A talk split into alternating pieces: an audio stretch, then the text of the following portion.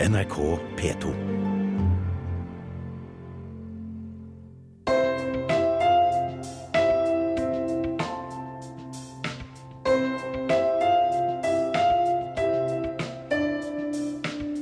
Velkommen til radiodokumentaren. I dag sender vi programmet Veldig nære og ganske langt borte av Espen Thoresen. Det er et portrett om kjærlighet, svik og ensomhet. Vi møter Tore Nagel, en av Norges eldste basehoppere, på vei mot et stup.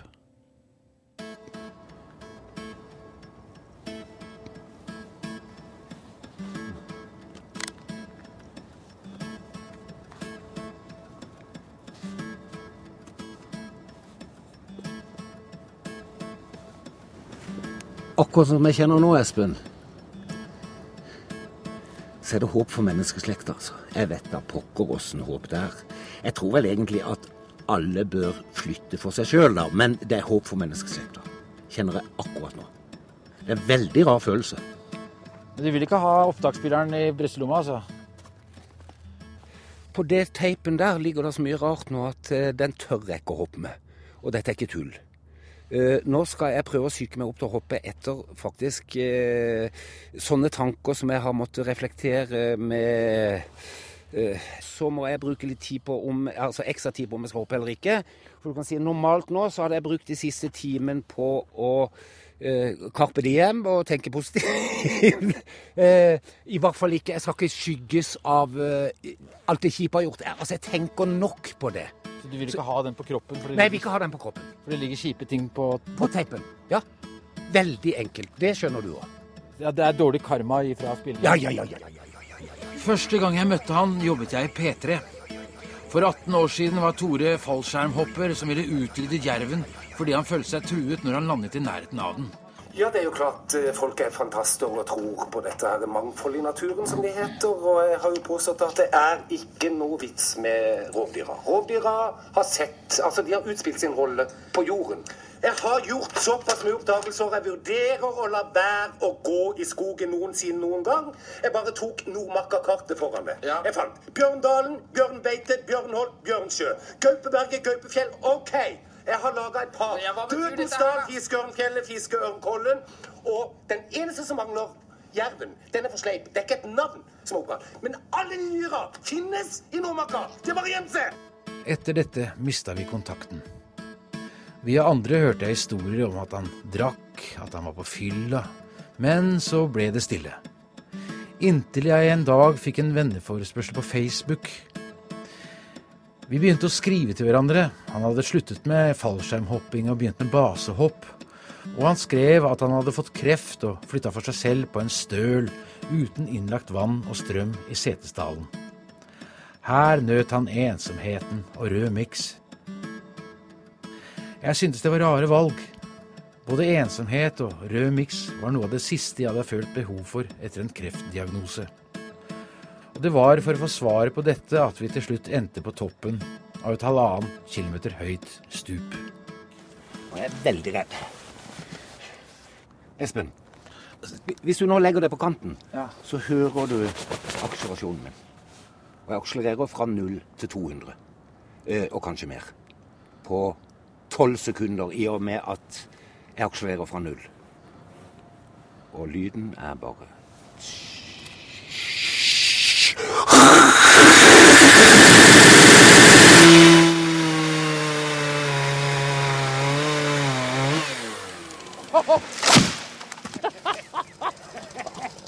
Hadde den vært eh, litt større. Men det lille treet der, det gir meg ved for en dag. Eller to midtvinters. Vi har hoppet en uke bakover i tid. Vi er på stølen hans i Setesdalen. Jeg kaller det et dørskilt. Men det er liksom Når du skriver altså mitt dørskilt, så står det DØ, og så står det en parentes, og så står det en R, parentes slutt. Uh, og det er rett og slett en gravstein. Den er vel Den veier ca. 60 kilo. Eh, inngravert med ekte. De kjøpte altså diamantbår og graverte inn Tore Nagel 9.6.1951. Det er Men- din gravstein, dette her. Ja, det er min gravstein. Den fikk jeg i seksårsgave av uh, Jonny og Karl Endre. Ja, For da hadde du kreft. Uh... Da hadde jeg de visste jeg hadde kreft, de visste jeg var basehopper. jeg må bare sånn digresjon på akkurat det, da. Så ringte jeg Så ringte jeg Jonny. Så sier jeg Jonny, den gravsteinen, nå skal jeg over i Kjerrag og hoppe. Nå kjenner jeg litt dårlig karma. Og dessuten så flyr det ei rugde over huset her. Og fugler og meg og basehopping, det er noe rare greier. Der tror jeg at det er en eller annen av alle de jeg har mista basekamerater og basevenner som er drept i dette. At en av de dukker opp. Men så vet jeg ikke Når de kommer tett innpå med en villfugl, så vet jeg ikke om er det varsel eller er det bare hei, go on, Tore, kos deg. Så må jeg på en måte velge hva vil tro på der. Men da ringte jeg Jonny, så sier jeg jeg har litt øh, på, på Kjerrag Jeg har litt eh, Steinen har jeg litt eh, sammen med den rugda litt eh, Litt dårlig magefølelse. Så sier Jonny på telefonen Tore, du kan bare slappe helt av. Det blir ikke inngravert noe eh, dødsdato her på mange år. Så, så, så da dro jeg over til Kjerrag og gjorde seks hopp og koste meg glugg i hjel.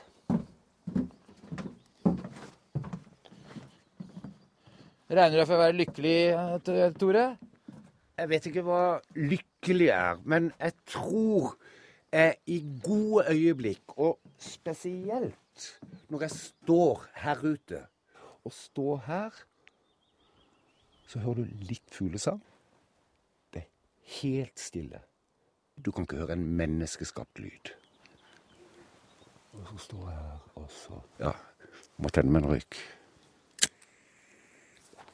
Så står jeg her og så bare hør på den følelsen. Og det er bare sånne små Da føler jeg ikke lykke, men jeg føler et øyeblikk av tilfredshet. Altså, jeg er tilfreds med livet. Jeg, jeg er faktisk kommet dit at jeg har oppfylt den største drømmen i livet mitt. Å bo på Vestheian i Setesdal, langt fra folk, uten strøm, uten vann, uten naboer.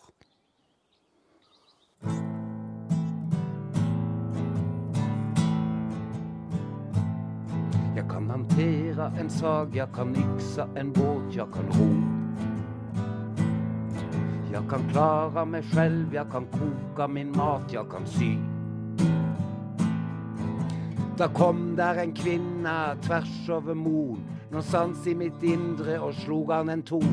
Jeg følg som en furara rak på hennes kropp, leppa som eld og en sammenmjuk knopp som jeg plukka og spara djupt i mitt sinn.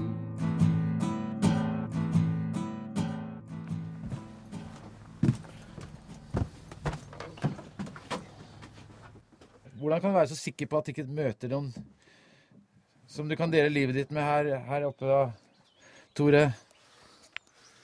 Nei, det er fordi Altså Og der har jeg tatt et kraftig oppgjør.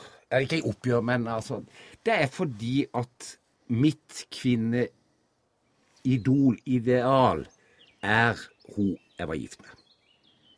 Og hun kommer jo ikke tilbake. Hun står ikke opp fra de døde. Hun døde. Hun døde. Eh, og hun står ikke opp fra de døde. Og, og jeg har tatt meg i så mange ganger, så mange år, så gikk jeg og kikka på damer, ikke sant? Altså sånn potensielle. Uh, og jeg leita etter de som var kliss like henne i kroppsbygning, men også utseende. Og det, det finnes jo bare Hun er ikke Hun har ikke noe tvilling.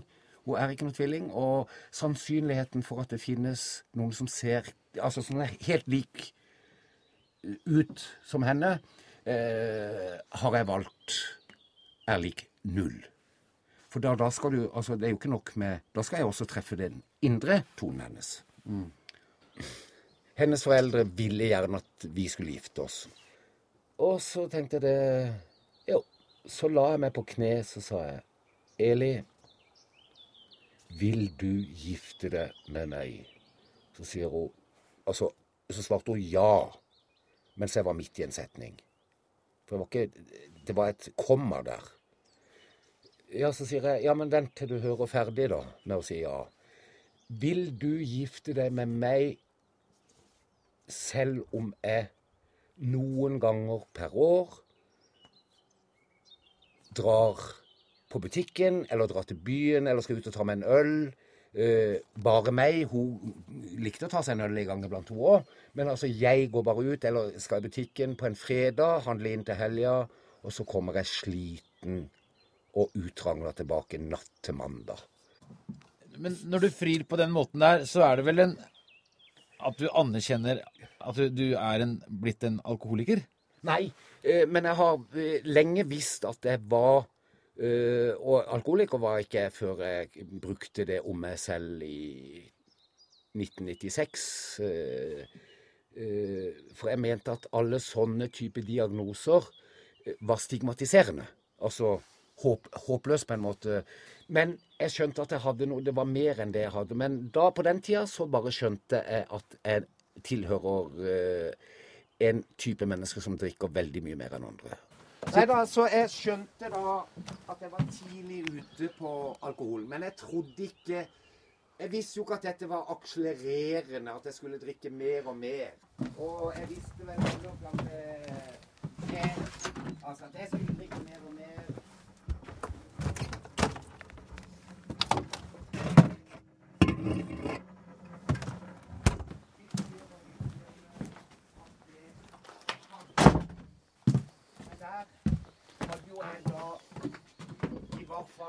Såpass mye innsikt at jeg ga henne råderett over min økonomi. Ja. Altså hun. Så da ble det jo etter hvert eh, litt vanskeligere. Så det er når jeg skulle Hun skjønte jo dette her, da. Men altså sier jeg Nei, men nå drar jeg til byen og handler eh, innenfor helga. Og så kunne jeg få 500 kroner, da. Eh, av henne. Av min lønn. Men det du gjør der, det er jo å misbruke tillit. Og det du gjorde da under frieriet, var at du, du frir til henne samtidig som du sier at du kommer til å misbruke en Nei, det var jo ikke misbruke tillit, det. Ja, For du hadde solgt inn på forhånd? Men, ja, jeg hadde, det var en del av frieriet.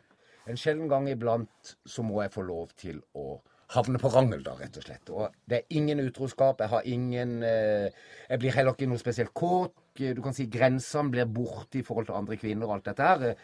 Du bedro henne aldri? Ja, det er et definisjonsspørsmål. Eh, vanskelig sak. Eh, nei. Det er ikke Aldri. et definisjonsspørsmål om du har bedratt kona di eller. Ja, hva er å bedra? Ja, hva er å bedra?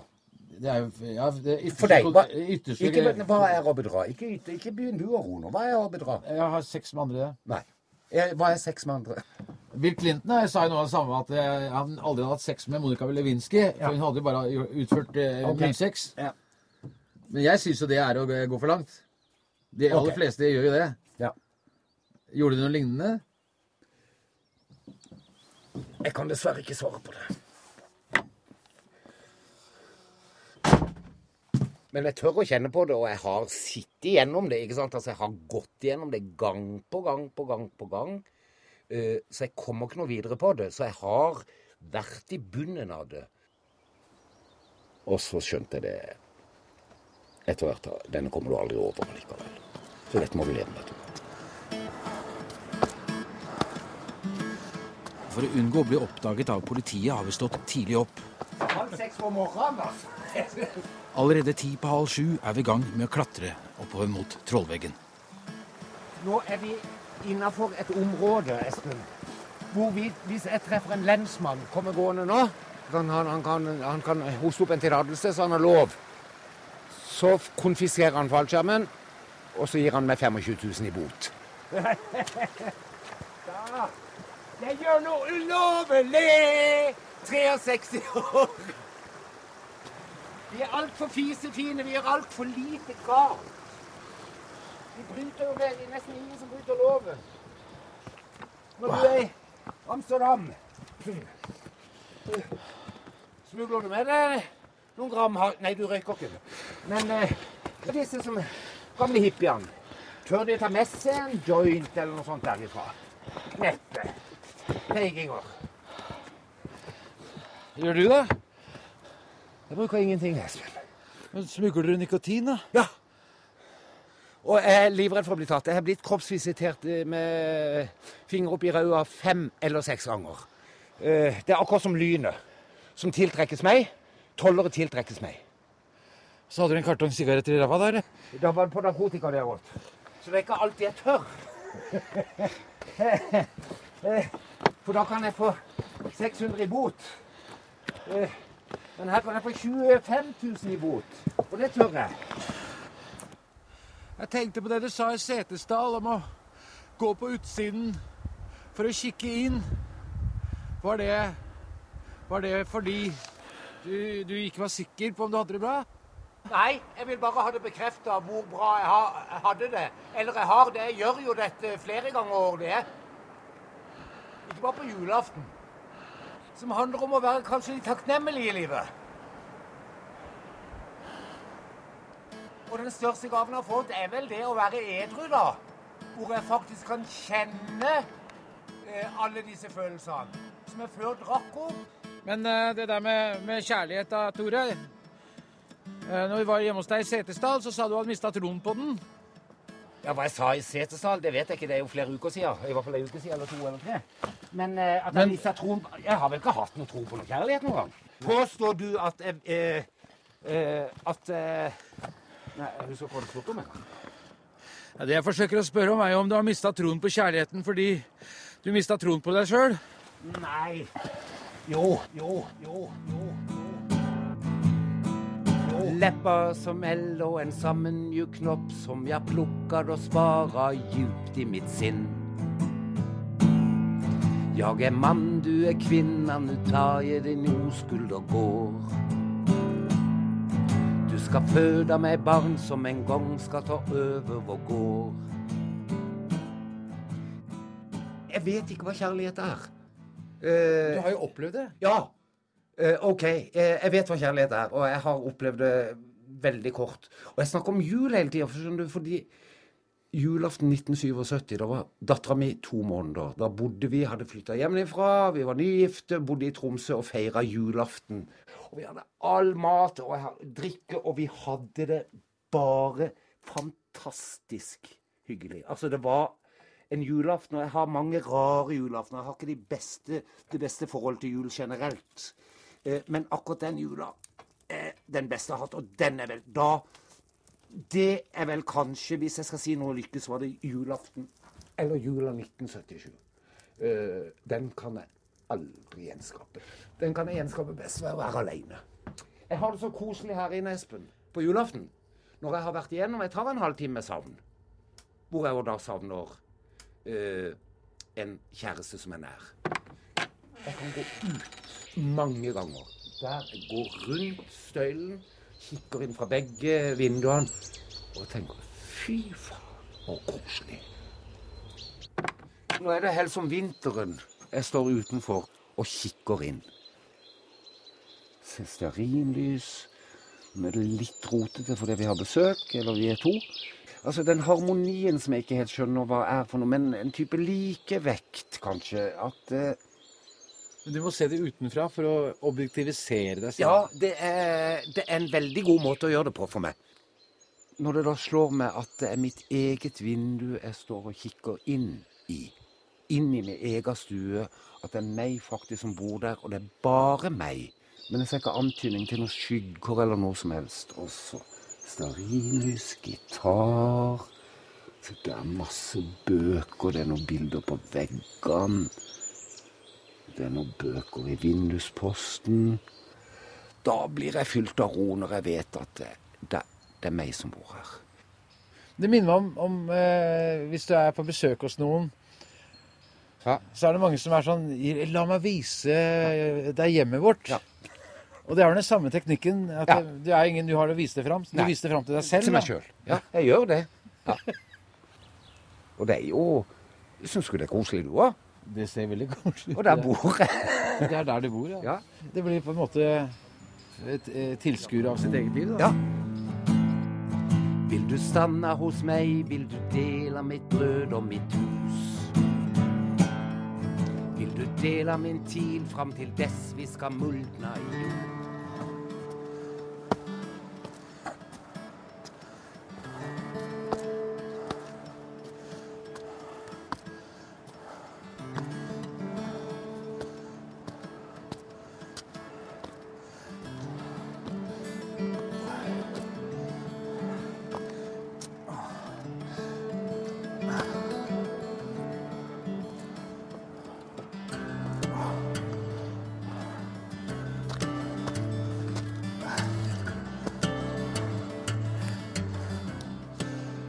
Klokken har blitt eh, halv ti, og vi har klatra i nesten tre timer.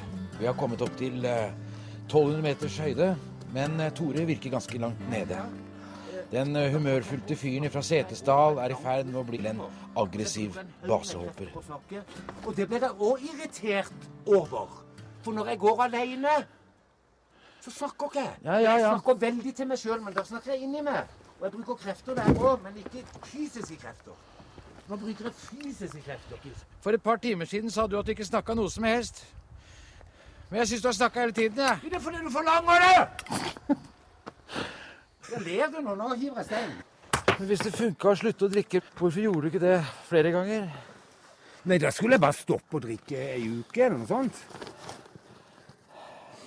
Og hell i de dagene hvor jeg etter ei uke på fylla ikke orka mer og ble dårlig. Men du, du, du drakk vel opp også det som For Elin levde vel på dine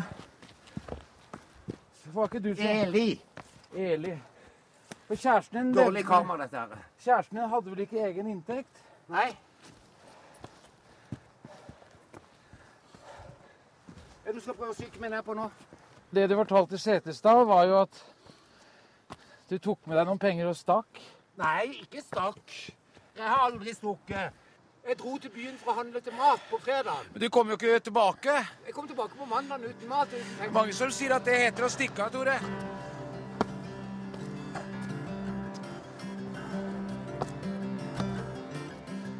Tore er nå i så dårlig forfatning, både fysisk og psykisk, at jeg begynner å forstå at han ikke kommer til å hoppe.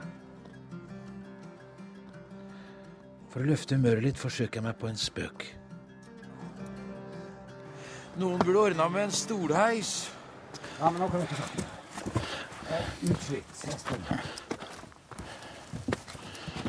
Nå hoppa jeg sammen med en i rullestol i Kjerrag i sommer. Det er ikke snakk om sånn, da! Hvis du har med deg rullestol, altså, nå skal jeg hoppe nå. Nå gir du dårlig karma. Det var ikke jeg som begynte å snakke om rullestol. Hva kalte du meg da, hvis Hva var det du, du spurte meg om for litt siden, noe som jeg glemte da at var et jævla dårlig spørsmål? Du sa noe før Jeg sa ingenting om rullestol. Og dette er dårlig karma. Jeg er på vei til et hopp fra 1536 meter. Så jeg begynte å sjangle nedi der. Så det er ingenting med røyking å gjøre, tror du? Eh, er dette et program om ærlighet? Det virker nesten sånn. Skal det hete 'Ærligheten lenge leve'? Eh, Hvis du vil. nei, eh, eh, ærlig talt så er jeg helt sikker på at den nirøykinga mi de siste to månedene har direkte sammenheng med, med at jeg begynte å sjangle nede i her, og sjangler fortsatt. Jeg gidder ikke å lure meg sjøl. Det er en bak oss, langt, langt nede. Det er to. Hæ? Ja, han går fort. Ja, han går kjempekjapt. Nei, det ser ut som det var to bare et øyeblikk, men det er ikke det. Kanskje lensmann? Ja. Føler meg redd. Redd? Redd, ja. Nå kommer frykten. Så syng en sang. Hæ? Jeg skal synge Hæ? Hæ? Hæ? Nei, det var ikke Men syng nå sangen, da. Plutselig er frykten dukka opp. Den hamrer løs i midten av en kropp. Noen står på kanten, jeg kan kjenne det på isinga i beina. Så merkelig at Klausen teget sterkere jo høgere jeg stiger. Jeg vil heim, ta meg ned. Jeg vil heim, ta meg ned. Nå dukker så frykten plutselig opp, ikke sant? Ja. For det som kan komme. Og verre kommer til å bli. Eh, og nå kommer jo snart, da, clouet med hele min livsfilosofi, altså.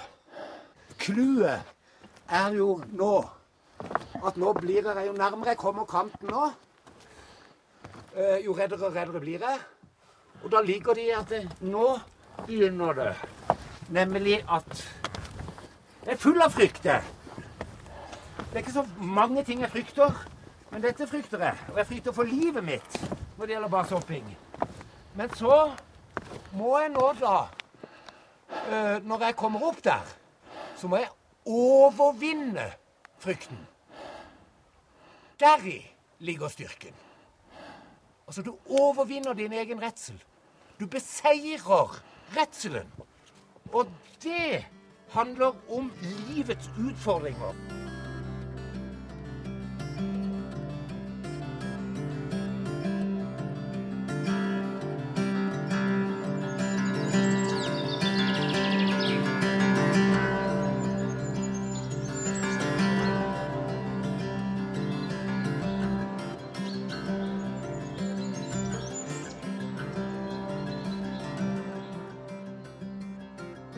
Hva var det første du gjorde da du fikk beskjed om å, å forlate henne? Da kjørte hun Og det der husker jeg det er svidd inn i hodet mitt. Da de dro fra Tromsø. Jeg kjørte de til flyplassen, og de drar. Og Stine bare året. Og har fått ei sånn skinnlue, samisk skinnlue. Og så går de bare inn i i sjekk-in, ikke sant? Og jeg står der. Og så ser jeg bare Stine, dattera mi, på under et år. bare. Og det, hun snur seg til meg og smiler. Altså som et sånn godt smil. Hun trodde vel hun skulle bare ut og reise med mamma. Eh, så, så Da satte jeg meg i bilen, og så kjørte jeg inn til Tromsø sentrum. Det var en søndag ettermiddag. Så gikk jeg rett på rorbua.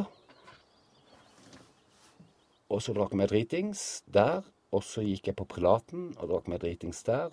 Og så kjørte jeg hjem. Og da jeg våkna opp mandag neste dag, fyllesjuk, tomt 20 kvadratmeters, eh, 25 kvadratmeters bolig. Og det var Det er nok det tyngste jeg opplevde i mitt liv. Uff, det sviket, det nederlaget, den sorgen. Savn. Men så klarte jeg på en veldig ålreit måte å tenke Tore, nå kan du drikke og feste som du mye du vil, uten at det er noen som legger seg borti det. Og så skjønte jeg det etter hvert. Denne kommer du aldri over likevel. Så dette må du leve med, Tore.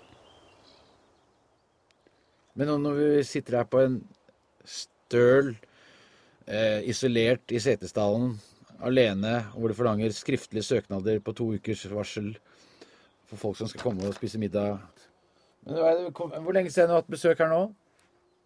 Nei da, det, var ikke, det er ikke så lenge siden det var skjærtorsdag. Og så tre-fire måneder siden. Tre måneder siden. Fire måneder siden. Eh, jeg har aldri noensinne, noen gang her oppe, hatt et menneske til langt ut på dagen neste dag. Og det er snakk om det, at vi skal være her tidlig i morgen. Eh, eh, har du muligheter til å, å gjøre om eh, flybilletten din? Vi kan alltids klare å gjøre om flybilletten. Ja, Uten at det koster for mye. Hvis ikke så er jeg villig til å legge inn 500 kroner for at du drar i dag. ja. En uke senere er jeg på vei for å møte Tore i Åndalsnes. Været på Kjærag er for dårlig, og Tore vil i stedet forsøke å hoppe fra den langt farligere og forbudte Trollveggen. Tore møter meg på perrongen. Åndalsnes ser ut til å være tegnet i fylla og bygget om natta. Den grufulle byggemassen står som en skrikende kontrast til de fantastiske fjellene den er omgitt av. Vi setter oss på en liten kafé ved havna. Som jeg har sagt hittil, så må jeg oppfattes som eh, særdeles usympatisk. Hvorfor det? Når jeg har gått hele livet mitt og trodd f.eks. Jeg har aldri vært utro. Og så er det sånn definisjon på utroskap. Og, og det, jeg har ikke fortalt det til noen noensinne. I 63 år, og dette skjedde da jeg var 25. Og så er det snakk om snart 40 år, 38 år siden. Har jeg gått Utroskapen? ja. Men, men altså eh, Så har jeg tenkt ja, men det, folk vil dømme deg for det? det er selvsagt. Ja, dømmer du deg selv for det? Ja! Det har jeg gjort hele livet, det. Jeg skulle gjerne ha hatt ugjort. Uh, Men, men, men det, det er ofte for, for, for inntrykk at det er sånn snev av selvforakt uh, Ja. i det. Ja, hvor kommer den fra deg, Tore? Å forakte seg sjøl Når du skal være glad i deg sjøl, så må du forakte deg sjøl. Hvis ikke så kan du ikke kjenne at du er glad i deg sjøl. Går, du rundt og kjenner at du er glad i deg sjøl? Er du aldri glad, bare forakter du deg sjøl? Altså, du må Jeg tror ikke jeg forakter meg selv. Nei, men er du glad i deg sjøl? Stort sett. Stort sett. Ja, men altså de gangene du ikke er glad i deg sjøl. Jeg, aldri, jeg forakter meg ikke. Nei vel, men det gjør jeg. jeg. I Åndalsnes i går så snakket du om selvforakten din. Ja, men den se- selvforakt må du ha for å kunne elske deg sjøl eller være glad i deg sjøl. Det er to motpoler, det, Espen. Jeg skjønner ikke at du ikke skjønner det. Og jeg, jeg, jeg er bare lykkelig og i vater hele tiden, jeg. Men det å si at man forakter seg selv, er jo ganske radikalt, da. Innimellom så gjør jeg jo det. Jeg hater ting jeg har gjort mot andre. Jeg hater tanker jeg har gjort mot meg sjøl, som jeg må leve med. Og det må jeg leve med, og de kommer, de dukker opp når jeg minst aner det. Men foran et basehopp så kutter jeg sånne tanker for å sjøl være i likevekt og i vater. Jeg kan ikke hoppe med dårlig karma om mitt eget liv, den siden av livet som er miserabelt. Når jeg hopper base, som jeg snart skal gjøre, så må jeg tenke det positive. Og jeg er ikke sånn som går rundt og sier 'tenk positivt' og 'karpe diem' og 'kjøss meg i rasshølet'. Da kom der en kvinne tvers over moen, någonstans i mitt indre og slog han en ton. Jeg følg som en fura rak på hennes kropp, lepper som eld og en sammenmjuk knopp som jeg plukker og sparer djupt i mitt sinn. Kjærligheten er for meg uoppnåelig, og når jeg tenker på den eh, sangen jeg er så glad i, 'Hun kom over moen', og, hun kommer ikke over moen, for den som må komme over moen, er jo hun jeg var gift med. Har du tillit til selv? Jeg har tillit meg sjøl, men eh, jeg, jeg tenker mye på det. Jeg har lært du skal aldri lukke døra til fortida. Den skal du ha med deg. Og for meg noen ganger så er det et drass å ta det med. Og du skal sitte i, og det kan være en korreks til videre kurs i livet mitt. Og jeg har noen stunder hvor, eh, hvor jeg går ned i detalj ting jeg har gjort, ikke sant? Og i forhold til hun jeg var gift med, som gjør meg fryktelig vondt, altså. Og så tillater jeg, kom igjen, bare kjør på. Og så sitter jeg der, og så Og så det, og så det. Og så fikk vi aldri snakka om det. Men Hender det at du snakker med henne i dine interne samtaler? Eh, hun er sint på meg fortsatt. Du tror det? Jeg er helt sikker. Hvor lenge siden er den døde? Hun døde i, hun døde i 1990, var det vel. Januar 1990. Hun var 37 og skulle bli 38 år. Skjedde det fort, eller? Nei, hun hadde kreft lenge. Men det var slutt mellom oss for lenge siden. Altså, sånn, eh, men jeg klarte aldri. Jeg prøvde, jeg ringte henne, jeg skrev. Ikke noe sånn Ikke noe Jeg maste ikke på, men hun oppfattet det nok som mas. At du forsøkte å få henne tilbake? Ja. Men da var du fremdeles ikke edru? Nei. Så det var jo totalt meningsløst. Men hvorfor gjorde dere ikke selv edru og så tok kontakt med henne? Ja, det hadde det. Hun skulle ha sett meg edru i to år. Da innbiller jeg meg at hun hadde levd i dag. Og nå blir jeg lei meg, altså. Hun Jeg bare tenker på det at hun gikk ut av livet med så mye bitterhet mot meg. Uh, så hun sitter jeg sint på meg den dag i dag. Men eh, Og så kommer jeg, og så treffer jeg Gud. Og så sier han bare Hun sitter der borte, men du skal gå bort og beklage. Og så skal du ha en dyp, lang samtale med henne. Så tar vi det derfra. Hun ga meg sitt vennskap, liksom hennes kropp. Hennes lepper var hete, hun skjengte meg opp som jeg styrkte når tungsinnet over meg kom. Og dette med tungsinnet over meg kom, jeg skjønte da allerede at jeg også lider av tungsinn.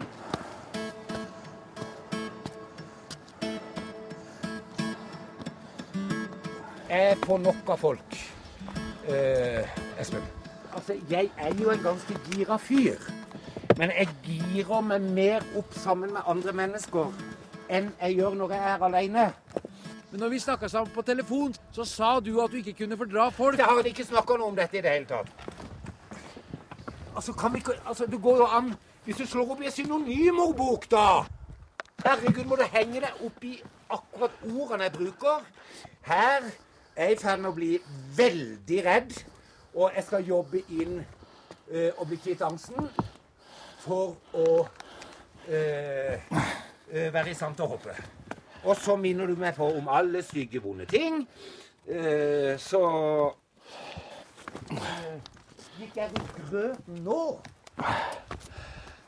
Nei, ikke nå, men når jeg stiller de samme spørsmålene, så er det fordi du Gikk Sklei unna? Sklei jeg unna nå, da? Nei. Ja, Hva vil du at jeg skal svare, da? Nei, nå er det jo bare Nå kjefter du mest. Nei, men Hva vil du jeg skal svare? Nei, men jeg skal ikke legge ord i munnen på deg, Tore. Hva, hva skal jeg svare? Du må jo svare for det du selv føler for å si. Du har fått kreft, og så isolerer du deg. Det er det jeg syns er rart. Det er ikke din angst for å få være, ha kreft. Jeg er alene i verden om å søke ensomheten eh, når jeg får en alvorlig sykdom. Neppe. Akkurat nå er jeg veldig til stede.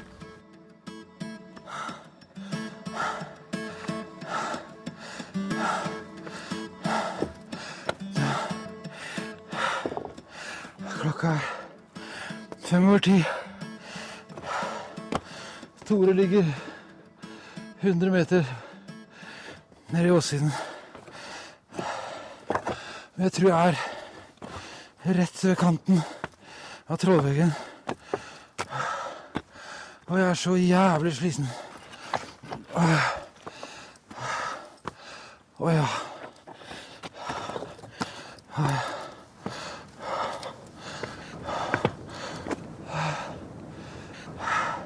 Oi, helvete.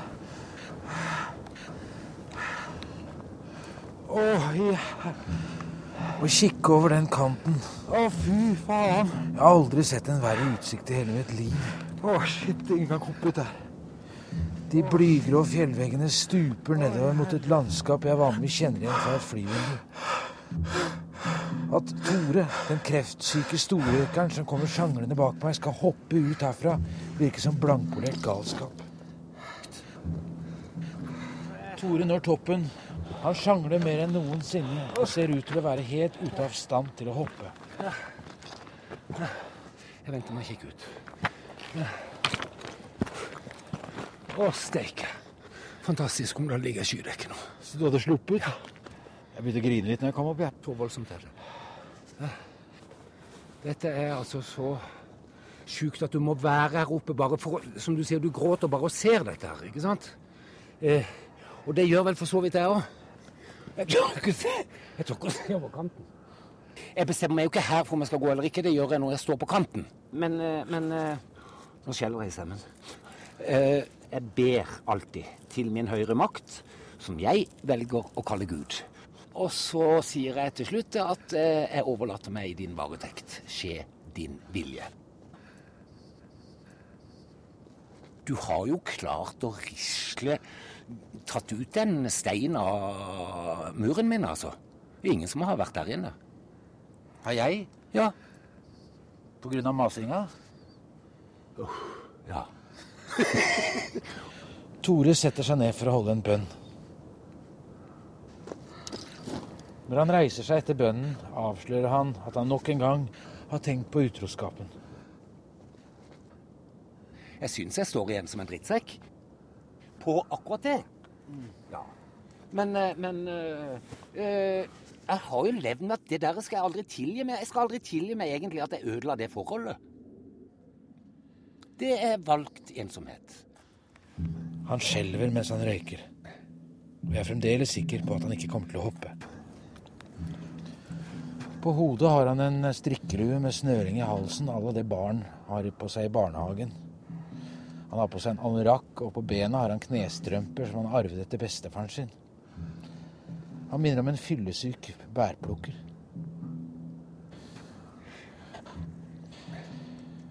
Jeg begynner å innse at det ikke blir noe håp. Lenge står han og røyker mens han stirrer ned kanten. Han står bare to meter bortenfor meg. Jeg ligger på magen med hodet over kanten og stirrer ned i den ballekrympende avgrunnen. Så kaster han fra seg røyken. Og så hopper han.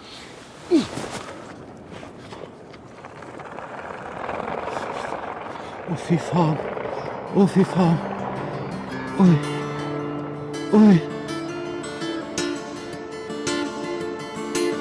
Å, der kom skjermen. Oi. Åh.